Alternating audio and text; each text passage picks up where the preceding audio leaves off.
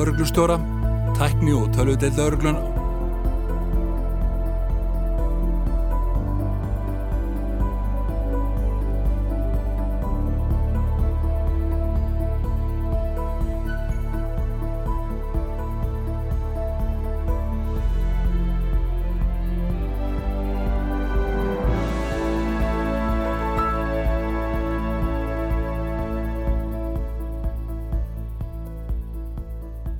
Útvarp Reykjavík, góðan dag. Í dag er förstu dagurinn 20. og annar april.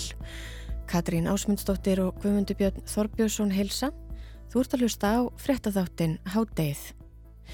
Íslenska fótboltasumarið er hafið en keppni í bestu deild Karla hófst í vikunni og er fyrstu umferð lokið. Keppni í bestu deild Kvenna hefst svo á þriðudaginn í næstu viku. Fyrirkomulag þessarar efstu deildar í ári með öðru sniði en venjulega karlamegin en leikin verður þreföld umferð. Við spáum í spilin með Efi Björk Benedikt Stóttur Íþróttafréttamanni í síðari hluta þáttarins.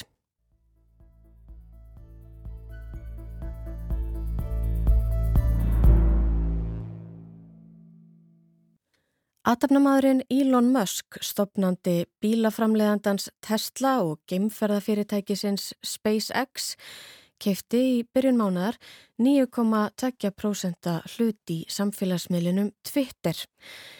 Kaupverði var rétt tæpir 3 miljardar bandaríkjadala eða það sem nefnur um 370 miljardum íslenskra króna. Og eftir kaupin er Musk sem hefur lengi verið virkur notandi samfélagsmiðilsins og vakið aðtikli fyrir að vera gaggrínin á hann, stærsti hluthafinn í félaginu. En hver er baksagan? Af hverju að kaupað brefi, Twitter og af hverju skipta kaupin máli? Til að fjallum kaupin og áhrif þeirra er hinga komin Kristjana Björk Bardal, teknisérfræðingur hátegisins og þáttastjórnandi auðtje hlaðarpsins Skí. En í þetta sinn breytum við út af vananum og tökum tæknispjall á förstu degi. Verður velkomin, Kristjana. Takk fyrir það. En við byrjum bara á byrjuninni. Hver er baksaða þessar að kaupa og hvað er Twitter að gera í þessu? Já, eins og þú komst inn á í ingangnum að þá var uh, Musk að kaupa part í Twitter núna í byrjun april og það var ekkert alveg strax um, sagt frá því í bara svona ofnberla Þannig að þetta er svona hægt og rólega búið að vera að koma upp á yfirborðið og svona mögnuð atbyrðar á sem hefur bara farið af stað síðustu daga. Mm -hmm. og það er auðvitað bara, getur allt gerst, það er náttúrulega búið að vera páskafrí og svona þannig að maður veit aldrei hvað gerist í næsta viku en hann sem sagt, já, kefti stóran hlut í Twitter og hann hefur verið mjög uh, sérst, bara döglegur að nota Twitter sem miðil og hefur sagt ótrúlegustu hluti þar inni hann er, ég myndi segja, hann væri svona troll á mhm. Twitter mm sem er svona mannskja sem er oft bara að ruggla í fólki og bara hefur sterkar skoðanir og stendur kannski ekki endilega á bakvið skoðaninnar þannig að maður þarf að hafa svolítið mm. svona uh, virkilega að hugsa hvað leikur að baki eða ekki, maður þarf að setja fyrirvara það sem hann segir en hann byrjar núna að, að hérna, hann segir fyrir einhverjum uh, vikum síðan að hann leggur svona spurninguna er hérna Twitter, er algoritmin er hann hlutdrægur? Mm -hmm. eða svona bæjast er verið að stjórna umræðinni sem við sjáum. Og í framhald að því fer hann greinlega eitthvað svona að pæla meira í þessu og pæla í Twitter sem vörumerki og vöru og svo framvegs og ákveður þá að kaupa hlut í félaginu. Og Twitter, um, bara stjórnandi Twitter, þau fá smá bara svona ú, ok, Elon Musk er að koma hérna inn, allt í góðu. Uh, við skulum bara vera mjög um, svona klók og, og hérna, fara varlega að þessu heldur saman mm -hmm. og ákveða sérst að bjóðunum sæti í stjórn félagsins eins og margir stórir hluthafar eru oft með. Og uh, það er inni á hann að skrifa undir samning þar sem hann má bara kaupa x mikið af hluti í félaginu. Af því að það áttur rosalega stórun hluti í félagi að þá hefur mjög meiri völd Hann hefði sett svona þak á hefði verið með því ef hann Já. hefði skrifað undir stjórnar Já. samningin og það var eiginlega bara svona tilkynnt formlega að hann erði partur af stjórnunni og það var alveg inni lengi inn á heimasvíð Twitter en hann ákveður að skrifa ekki undir samningin Já. og ef þú er stjórnumæður í félagi að þá þartu að eh, bara svona haga þér fyrir hluthafana og hugsa um hérna bara hlut allra og þeirra hvað sem er svona já, hvað skipstir þau máli mm -hmm. og hans vildi ekki vera stjórnumæður þannig að hann getur gert þannig sig hvað sem er. Nefnum hvað, í framhald af þessu, að þá vill hann kaupa Twitter, bara alveg. Já, bara eins og að leggur sig. eins og að leggur sig og eins og, og hann gefur tilbúð og segir í svona orðað að þetta er my best and final offer en hann, og það var hann á 14. apríl Já, þannig að þetta er búið að vera rosa spennandi atbyrðar og hún var búið sæti í stjórninni eitthvað kringum 4. 5. 9. apríl að hverna vilja ekki sætið og svo 14. ætla hann að kaupa þetta þannig að og dagana eftir það, eftir að núna 14. ætla hann að kaupa fyrirtæki sem að fór ekki þannig sér í gegn mm en hann lagði þetta alveg fram löglega og allt svoleiðis að þá sem sagt um, bara er hann rosa mikið að skoða þú veist hvernig hann á að kaupa meiri hlut og það hefur líka umræð um það að hann á miklu meiri hlut heldur en margir aðrir í stjórnunni Já, og þá þú veist var einhver sem tvítaði um, já hér er veist stjórnar, stjórnir og hér er hlutfall þeirra og þetta eru prófessorar með hérna doktorsgráður og MBA-gráður alltaf þú að taka þetta fólk fyrir eitthvað svona. Og Musk segir bara já ok, þið eru með rosa látt hlutfall af hérna eignarhlut. Og þannig að þetta verður, þú veist, þeir, hann er alltaf bara grínast já. innan Twitter sko, þannig að þetta er rosa áhugaverð atbyrðars.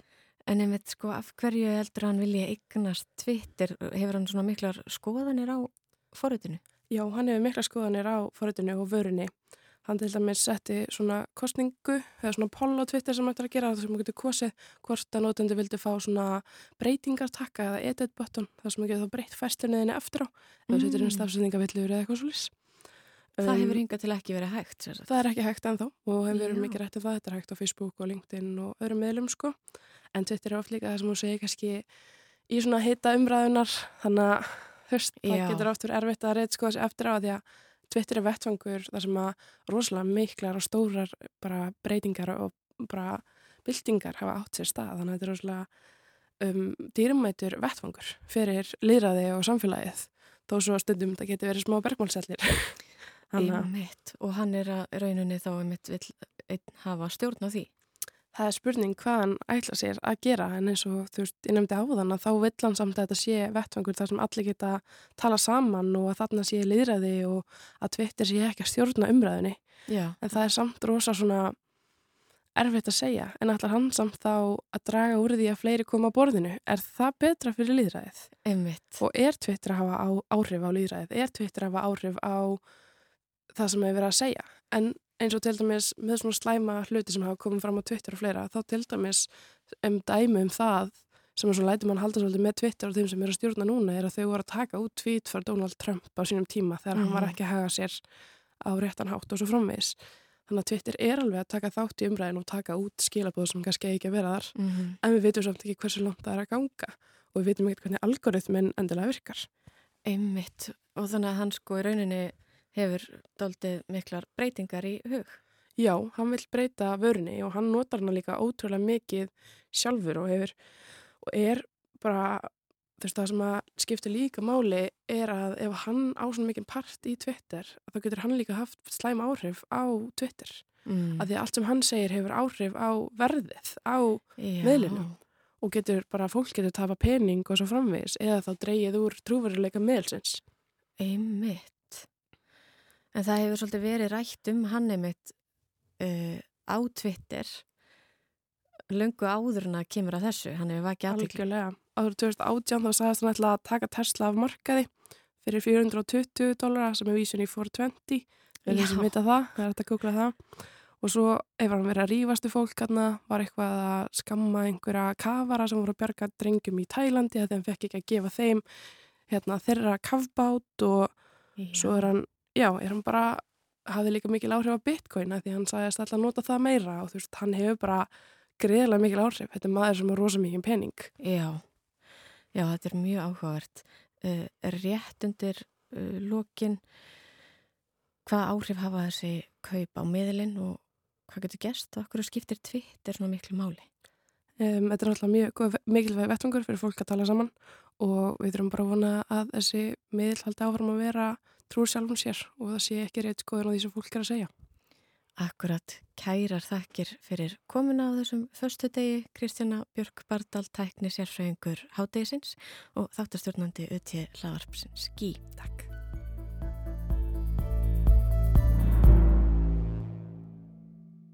Þá yfir í Íþróttinnar eins og vannarlega á förstu dögum íslenska fókbólta sumarið er hafið en keppni bestu tild Karla hóst í vikunni og er fyrstu umferð lokið. Keppni bestu tild Kvenna hefst svo þriðudaginn í næstu viku en fyrirkomulag tildarinnar hjá Körlunum er með öðru sniði, sniði en venjulega en leikin verður þreföld umferð eða lokin í annari umferð verið dildinni skipti í tvent. Við ætlum að þess að spá í spili núna með Efi Björg Benediktsdóttur Íþróttafréttamanni um íslenska fókbaltasömarið. Velkomin Eva. Takk fyrir það. Ef við byrjum bara á þessari fyrstu umferð í kataboltanum, hvernig, svona, hvernig fór þetta að stað? Opnuleikurinn var Vikingur FA, Íslandsmeistrar Vikings, komu inn í mótið greinlega svolítið taugatrektir eins og Arnar sagði hérna eftir leik en þeir fengur sem mark eftir 30 sekundur en unnuleikin 2-1 mm -hmm.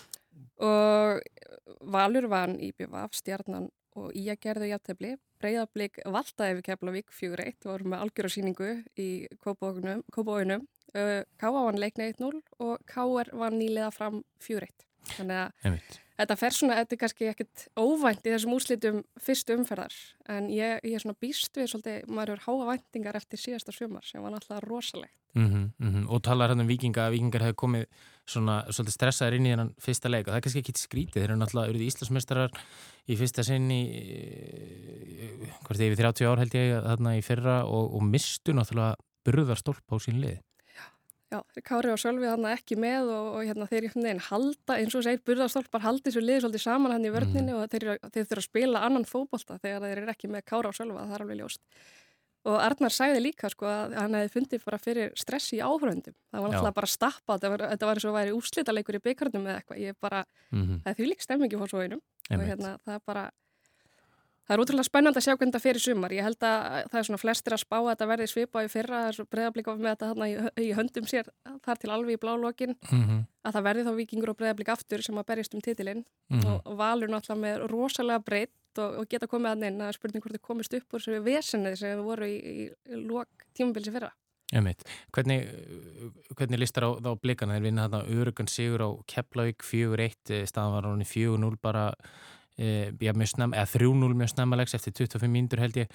E, leiti út fyrir að þetta færi já, mjög illa fyrir keflinginga e, heldur að þeir e, muni gera harða allega til til mjög sumar? Það voru alltaf mjög nálægt þessi fyrra. Ég held að einmitt að það sé alveg að kveika verulega í þeim að hafa verið svona nálægt í og þeir eru að spila rosalega skemmtilegan fókbalta og hérna og skar mjög metna fullur þjálfari augljóslega og hérna ég er bara, ég er full að að að blíkandi verið þarna á, á toppnum, topp þremur, maður veit svo mikið hvernig það fer með þessar líka að því að með þessu nýja fyrirkomulagi þá er náttúrulega lengra tímabil og, og mm -hmm. það, það er meira þrek og þól til þess að fara gegnum svona tímabil fyrir hérna, lið sem eru vöna að spila á svona stuttu tímabili. Emitt, ef við spáum að síð það, tímabilið er náttúrulega, já það er allavega sex leikim lengra núna heldur en það hefur verið síðustu tímabil og, og er það rétt skil í hjá mér að eftir setnum eða aðra umferð þá skiptist deildin í efri og neðri hluta. Já, þar spila liðin innbyrðis og þeir sem að enda síðan sko efstir í efri hluta var Íslandsmeistarar og neðstu tvö í neðri hluta falla. Þannig að mm -hmm. þú, þú núlstildir svolítið eins og fallbartuna. Já, þú byrðilega til tvær nýjar deildir. Í rauninni skiptir þessu upp en, en menn halda samt stígunum sko já, áfram. Já, valsarar þeir, þeir unnu nýliða eigamanna 2-1 í hörkuleika á, á hlýðarenda. Það er með miklar vendingar á hlýðarenda enda, enda já, talaðum að þar séu miklu peningar og, og, og þeir hafa efni á að kaupa stóra leikmenn og þeir gerði það svo sannlega fyrir þetta tímil, fengu til sín tvo fyrirhandi atvinnmenn. Fengu Arn Jóhans og Holmar Örn Ejjólfsson sem að eiga að gera ymslegt, en missa líka Hannes sem mm. var mjög sterkur síðast sem var í markinu, að fá gæs mitt í staðinn, þannig að já, það, ég held að þessi háa vendingan, það er spurning hvort þeir komist upp úr þessu sem þeir voru í, þeir eru búin að vera smá vesina, búin að vera eitthvað eitthvað svona einhver andlegir erfileikar hérna á, á hérna hlýðaranda því augljóslega eru þetta mjög góður fókbaltamenn sem spila þarna. Mm -hmm. Og það er ekkit sjálf gefið að koma heim úr atunmennsku og halda maður rúlu upp deildinni. Það hefur sínt sig að það er, það er alls ekkit allir sem valda því. Já, við sjáum það þegar að Raki sí kemur heim í fylki að það gekk ekkit upp hjá honum og hérna, það er líka bara öðruvísi. Veist, maður spila í einhverja hérna, 10-12 ár elendis að koma heim, þetta er bara allt öðruvísi fókbalt og öðruvísi deild. Þannig að, mm -hmm. Mm -hmm. Þannig að já, þetta er verður mjög áhagvert sumar, ég held að þetta getur orðið mjög spennandi deild, mjög spennandi deild, ert líka með, KR og Val og, mm -hmm. og stjórnuna sem eru svona, Já. þú veist, það er svo mörglið til alls líklega, maður er kannski svona... Umvitt, hún er kannski jafnari líka en hún hefur átt verið og, og, og svo er það káringarnir, þeir, e, þeir vinna þarna framara öruglega fjögur eitt í, í, í Vasmýrinni en framarar eru náttúrulega nýliðar og þeir ætla að spila upp í Úlfarsárdal, þar er þeirra nýja heimaöllur, hann er ekki alveg tilbúin en, en verður vist allur hinn, hinn glæsilegasti framarar. Þeir, þeir rúla upp fyrstu deildinni fyrra. Þeir, þeir, þeir vinna held ég alla leikina eða hvort þeir, töpuð allavega ekki leik fóru tablusir gegnum tíumblið þeim er enga síður ekki spáð nú góðu gengi í sumar. Nei, það er einmitt það sko. Maður, það verður svona spennend að sjá hvernig það koma. Þeir byrja náttúrulega ekki vel og það er kannski eðlilegt sem nýlegar þessari deilda hérna að lenda í smá höggi upp að vera, maður veit ekki þegar líður á sko, en þeim er einmitt, þeim er spáð falli í flestum spám að þeir mm. verður bara beint niður áttur, það verður spennand að sjá þeir eru, þeir eru með góðan hóp og þeir hafa líka mistmenn, þannig að það er hérna, það verður áhört að sjá hvað framar að gera í ár. Og, og, hérna, og, og káeringar þeir náttúrulega kannski eru, eru alltaf líklegir, maður kannski glemir þeim svolítið,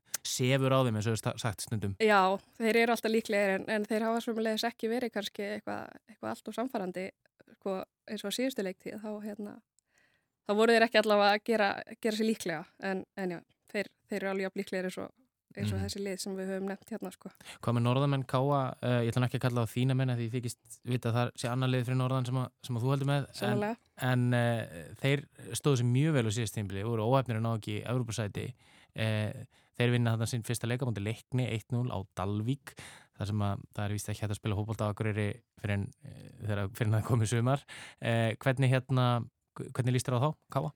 Mér líst vel á þá. Mér skilst að Káa ætla að spila á sínum heimavelli ekki á, á Akureyravelli í sumar þó ég sé ekki alveg búin að fá, fá það reynd. Þannig að mm það verður gama fyrir þá að vera ekki þessu vesin á Akureyravelli sem búið að vera síðust ára þar sem verður bara hólur og fólk að slasa sig, að leikmann mm -hmm. slasa sig.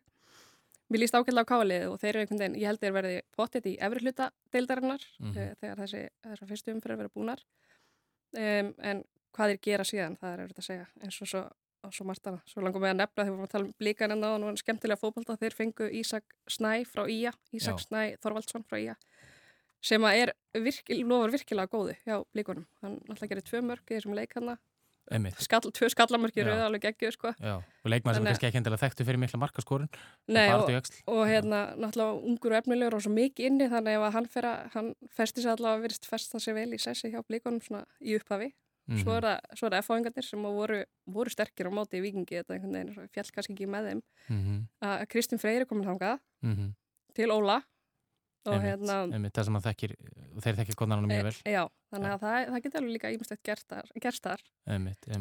En, en það löst að Gert Gunnar Þóru Jónsson, leikmaður F og hann mun ekki spila með þeim á næstunni, en hann spilaði þennan, þennan fyrsta leik, eh, Eh, já, Martin Hermansson, korfbaldamæður, hann vakti aðtekla því hún eh, á, á samfélagsmiðlum Twitter að, að það skiti skökku við að leikmaður sem, sem sæti lögurglöðuransókn væri, væri eh, væri byrjunliði í, í bestu deildinni. F-fáingarnir þeir, þeir brúðust við þessum einhverjum hætti, þeir gáði yfirlýsingu og, og tók hann úr, úr leikmannahófnum Já, en það er samt eiginlega ofan mínum skilningi að þeir hafi þurft einhvern veginn pressuna frá fjölmjölum og almenningi til þess af því að þetta var augljóslega bara rannsókn sem er í gangi og á borði hér að saksóknuna þetta mm -hmm, mál. mm -hmm. að, hérna, og það er með umræðin sem hefur verið og KSI búin að móta ákveðna stefni hjá sér varðandi landsliðina meðan að hérna, málir rannsókn og svona þá eru menn ekki í landsliðu með slíkt. Þannig að það er eins og, eins og vanda sæði einhverju viðtali að KSI ræður raun og verið ekki yfir því hvað FH eða, eða félagsliðin gera en það var alveg, það var alveg gefið að þetta erði ekki vinsal ákverðin mm -hmm. að spila þessu manni á þessum tímabundi svo er bara hérna verið áhugavert að sjá hvað gerist í þessu máli og, og, og þá með framtíð þessar leikmanna sem umræðir sko. Emmitt, emmitt. Eh, við skulum vikið hans yfir í, faraðis yfir í, yfir í, í kvennaboltan, það er líka, líka búið að breyta nafninu, efstadeild heitir líka bestadeildinn og það er kannski þessi munur, kannski ræða það líka eins að Nú er, er deildinurinn ekki með þannig styrtaræðilega í nafninu, hún hétt Pepsi Max deildinni fyrir að Pepsi deildin þar og nú heitur, heitur hún einfallega besta deildin. Þar er þó ekki leikið, leikinn þreföldum fyrir það. Nei, það var eins. Þessi tilröðuna starfsum er hérna einungis kalla megin og það er mm. náttúrulega auðvitað fleiri lið líka og, og, og hérna kannski auðvitað skipt og þessi deildi líka náttúrulega hefur alltaf verið ójafnari. Já. Þannig að það er kannski öðruvísi að gera þetta kalla megin, það sem er jafnari deild, heldur en hverna megin. Já. Hún en, hefur verið það en hún var í fyrra, mann ég allavega framan af, þá var deildin, hvernig deildin mjög svona, hún var, var miklu jefnar og spennandi en hún hafi verið undan fara náður. Já, það var það svona, kannski stóru liðinu voru ekki, sko, það held ekki þessi jafnvæði sem höfðu, höfðu verið með áður og voru að tapa ótrúleustu leikjum, mm -hmm. jafnvel heima, skora lítið Mm -hmm. og hérna þetta er mögulega eitthvað sem getur alveg gerst aftur núna og áfram og það verður meiri spenna og við sjáum að Selfors er að styrkja sig sem valladóttir komið þangað Einmitt. stjarnan uh, hefur verið nokkuð samfærandi þannig að það er einhvern veginn þróttarar náttúrulega komast í byggarúsliti fyrra Já. og Valur og Breiðablík sko Ja, þetta er eftir smáður og alveg að breyða blika. þetta, er Já. alltaf Valur og Breiðablík en, Mhm. en hérna ég held einhvern veginn að það verða verð að lesin geta stríkt meira heldur en áður og það, það er missa þau fá svona margar konur út í atvinnumennsku Mm -hmm. sem eins og hefur verið núna þá hérna segir það sér sjálft að það er að missa sterkustu liðin er að mis- missa sterkustu leikmennina þannig að þá einhvern veginn verður meira jafnvæg og það er ekki það er ekki neikvægt Einmitt, einmitt. Já, það er náttúrulega líka bara, ég hafði náttúrulega bara ótrúlega jákvæmt líka að sjá hversu margar konur hafa farið í atvinnumensku á síðustu árum og við sjáum að náttúrulega okkar landslískonur eru margar hverjir að spila með bestu deildum, í bestu deildum í Európu. Já, það má ég mitt koma því bara á framfæri núna Svindístjén okkar er að spila með Wolfsburga eftir í undanúslutu meistardeldarnar á Mhm. Nývangi, nú kamp Einmitt. uh, og það er uppselt Já. þannig að hún er að fara að spila fyrir framann 90.000 pluss á nú Einmitt. kamp á eftir og þetta er bara það sem er að gerast með hvernig fótboltan sem er bara frábært sko. var í, í Keflavík fyrir tveimur árum. Já, einmitt, það var í, í Keflavík í Rókinu Já, það er skamt stóra högg á milli en, en fyrsti, fyrsti opnunuleikur bestu deildar kvenna er á þriðdæðin þá mæta stjörnustúlkur í, til Vestmanni og það sem er leika við IBVF og sama kvöld leika valskonur gegn þrótturum á hlýðarenda. En við komumst ekki lengra með íþróttirnar í dag. Kæra þakki fyrir komin í háttegið, Eva Björg. Takk fyrir. Háttegið er að enda þessa vikuna. Við verum hér aftur á sama tíma eftir helgi. Þátturinn er einni aðgengilegur í spilaranum og hlaðvarpsveitum og þá er þetta að senda okkur post með ábendingum á netfangið háttegið hjá rúf.is.